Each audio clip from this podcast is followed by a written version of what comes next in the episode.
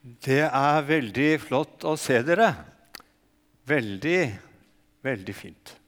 Få lov til å være sammen med unge mennesker, det, eh, det har vært noe av livet mitt, og det er like kjekt fortsatt. Ja For mange år siden så møtte jeg en misjonær i Etiopia som etiopierne påsto hadde fått en utmerkelse fra den russiske hær. Det var revolusjonstid i landet. Eh, og det hadde nylig vært en krig mellom etiopierne og en eh, somalisk eh, geriljabevegelse. Og det førte til at mange av Misjonssambandets misjonsstasjoner måtte evakueres. Eh, og jeg var litt interessert i å høre noe om denne utmerkelsen som denne gamle damen hadde fått. Eh, og omsider, etter mye mas, så fikk jeg historien av henne. Og Det er mulig jeg ikke husker alle elementene helt korrekt, men jeg tror det meste er riktig. Men denne eldre sykepleieren hadde mens kampene pågikk i hennes område, fått høre om en russisk soldat som var blitt såret, og som ble liggende igjen bak en stor stein på den andre siden av frontlinjen. Hvorfor lot dere han bli liggende igjen? Hvorfor tok dere eh, ikke han med dere? Nei, det var for farlig.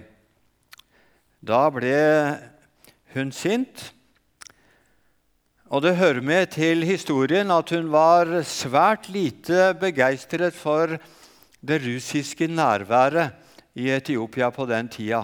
De hadde eh, rådgivere og militære eksperter, og det var en slik en som var blitt såret. Men da hun fikk høre om at mannen var etterlatt i en slik forfatning, da ble hun skikkelig fortørna.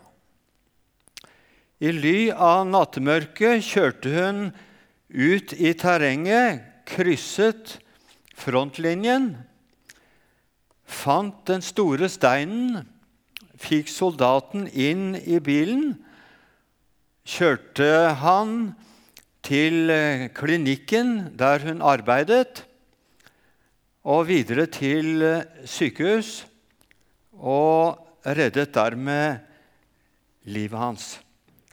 Det gjorde inntrykk. Stort inntrykk. I teksten vår kommer en lovkyndig til Jesus med to viktige spørsmål. Eh, spørsmål 1 hva skal jeg gjøre for å arve evig liv? Jesus velger den litt dristige og viser han til lovens vei. Der var den eh, lovkyndige vel kjent og siterer to steder fra Det gamle testamentet som til sammen blir det dobbelte kjærlighetsbud. Du skal elske Herren din Gud og du skal elske din neste som deg selv. Gjør det, sa Jesus, så skal du leve. Da hadde han eh, en krevende oppgave foran seg. Men så kommer spørsmål to. Hvem er så min neste? Her er vi midt inne i en teologisk diskusjon på Jesu tid om forståelsen av nestekjærlighetsbudet. Budet finner vi i 3. Mosebok, kapittel 19, vers 18, og det lyder slik.: Du skal ikke ta hevn og ikke bære nag til landsmennene dine, men du skal elske din neste som deg selv. Hvem er landsmennene? Jo, det må jo være jødene. Å elske sin neste betyr altså å elske folket mitt, gruppen min, gjengen min, omgangskretsen min, stammen min, klanen min osv. Nå var det riktignok litt ulike måter å tolke den, eh, dette stedet på. Men hvis vi går til en liten gruppe som hadde sin landsby ikke langt fra Dødehavet, og som kalte seg for Lysets barn, og som tok vare på den skriftsamlingen som vi i dag kaller for Dødehavsrullene, da er det ingen tvil. Vår neste er de andre medlemmene av sekten. Slik tenkte man, og slik tror jeg egentlig veldig mange mennesker tenker. Min neste, det er de andre i min gruppe. Min familie og de som ellers betyr noe for meg. Dem skal jeg elske som meg selv.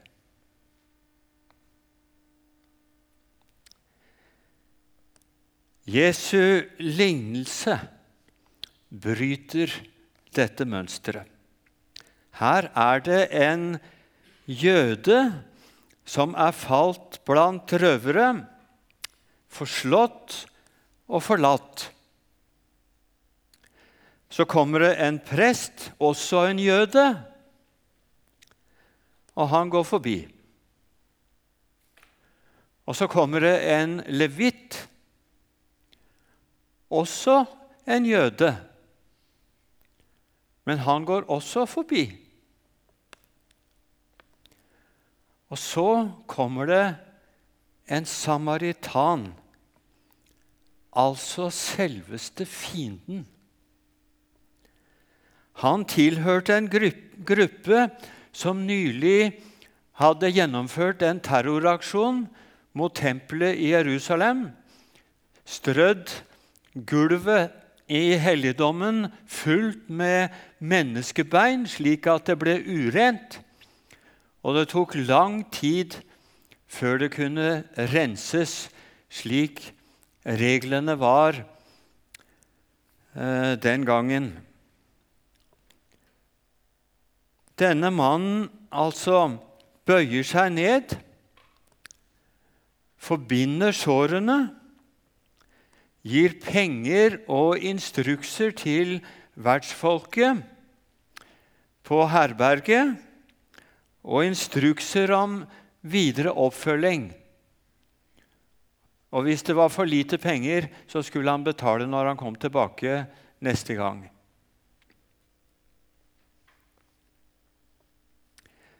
Samaritaneren han gjør noe helt uhørt. Han bryter en grense av gjensidig fiendskap og viser kjærlighet mot en fiende. Han viser seg som en neste overfor han som var falt blant røvere.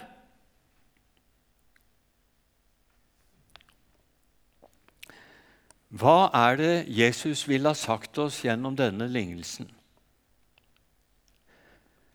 Tre ting. For det første vår neste, som vi altså er kalt til å elske, det er alle mennesker. Alle mennesker. For det andre alle mennesker har samme verdi. Det er ingen gradering. Marxistene hadde en teori om at eh, menneskets verdi eh, var gradert etter evnen til å produsere til samfunnets beste. De som var gamle og syke og uføre og utviklingshemmede osv., de sto nederst på listen og ble stuet bort på en eller annen måte. Det var de unge og produktive, det var de som hadde verdi. For Jesus så har alle samme verdi, uten unntak. For det tredje kjønn, rase, religion, alder og arbeidsevne gjør ingen forskjell på verdi.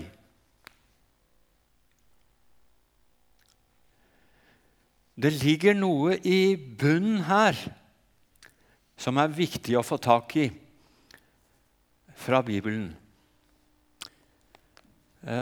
Bibelen har på en måte to begrunnelser for vårt menneskeverd.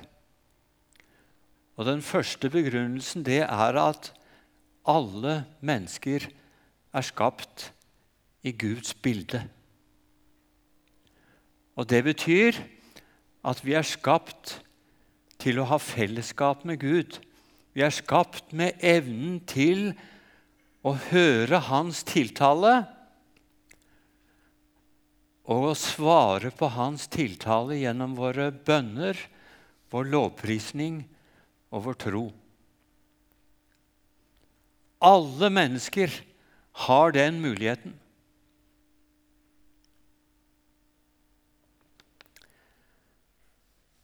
For det andre alle mennesker er kjøpt tilbake til Gud gjennom det Jesus gjorde da han døde for oss. Han er en soning for våre synder, står det. Ikke bare for våre, men også for hele verdens. Bibelen er klinka klar på at det Jesus gjorde, gjelder hvert eneste enkeltindivid på hele denne planeten. Jeg hørte en historie for mange år siden. Eh, det var en eh, guttepjokk som hadde vært vinteren igjennom eh, stadig nede i kjelleren sammen med far sin og bygd en modellbåt. Og da våren kom, så skulle den fine farkosten sjøsettes nede i elva. Og han fløyt så fint. Um, men plutselig så kom det en uh, bakevje og tok tak i båten. Og den kom ut i strømmen, og så for den nedover elva. Og gutten løp langs stranda så langt han orka, men han så bare at båten forsvant lenger og lenger nedover. Lenge etterpå så var han på byen. Eh, og så så han plutselig i et utstillingsvindu båten sin. Og Så går han inn til ekspeditøren og sier det der er min båt. Ja, du kan få kjøpe den, sa ekspeditøren. Koster så og så mye. Så løp han hjem, tømte sparegrisen og kom tilbake og kjøpte båten. Og så rusla han hjemover med båten i hendene sine. Og så sier han til båten, 'Nå har jeg laga deg, og nå har jeg kjøpt deg.' Så nå er du min. Og Det sier Gud også til alle mennesker. Jeg har laga deg, og jeg har kjøpt deg, så nå er du vel min.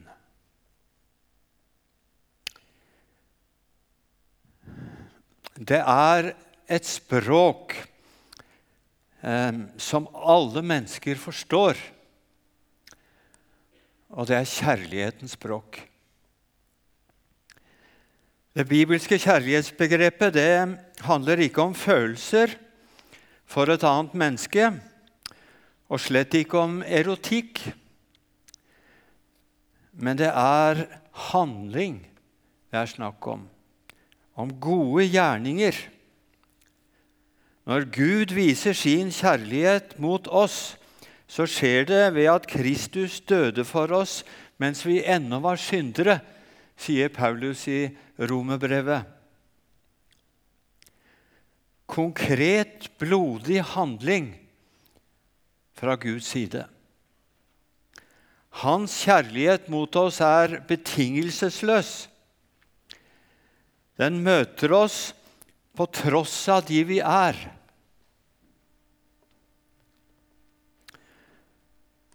Og en ting til.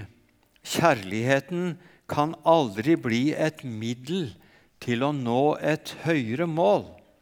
Heller ikke et evangeliseringsmiddel. Det blir avslørt på første langside. Den må få stå alene og skinne, ellers er den ikke kjærlighet. Det er viktig. Livet i følge med Jesus, det er et annerledes liv.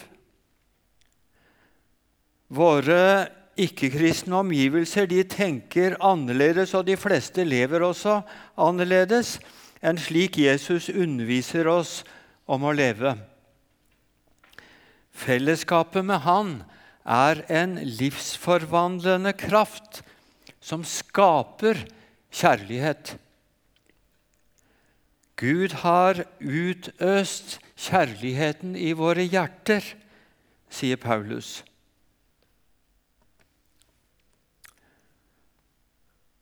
Og så til slutt.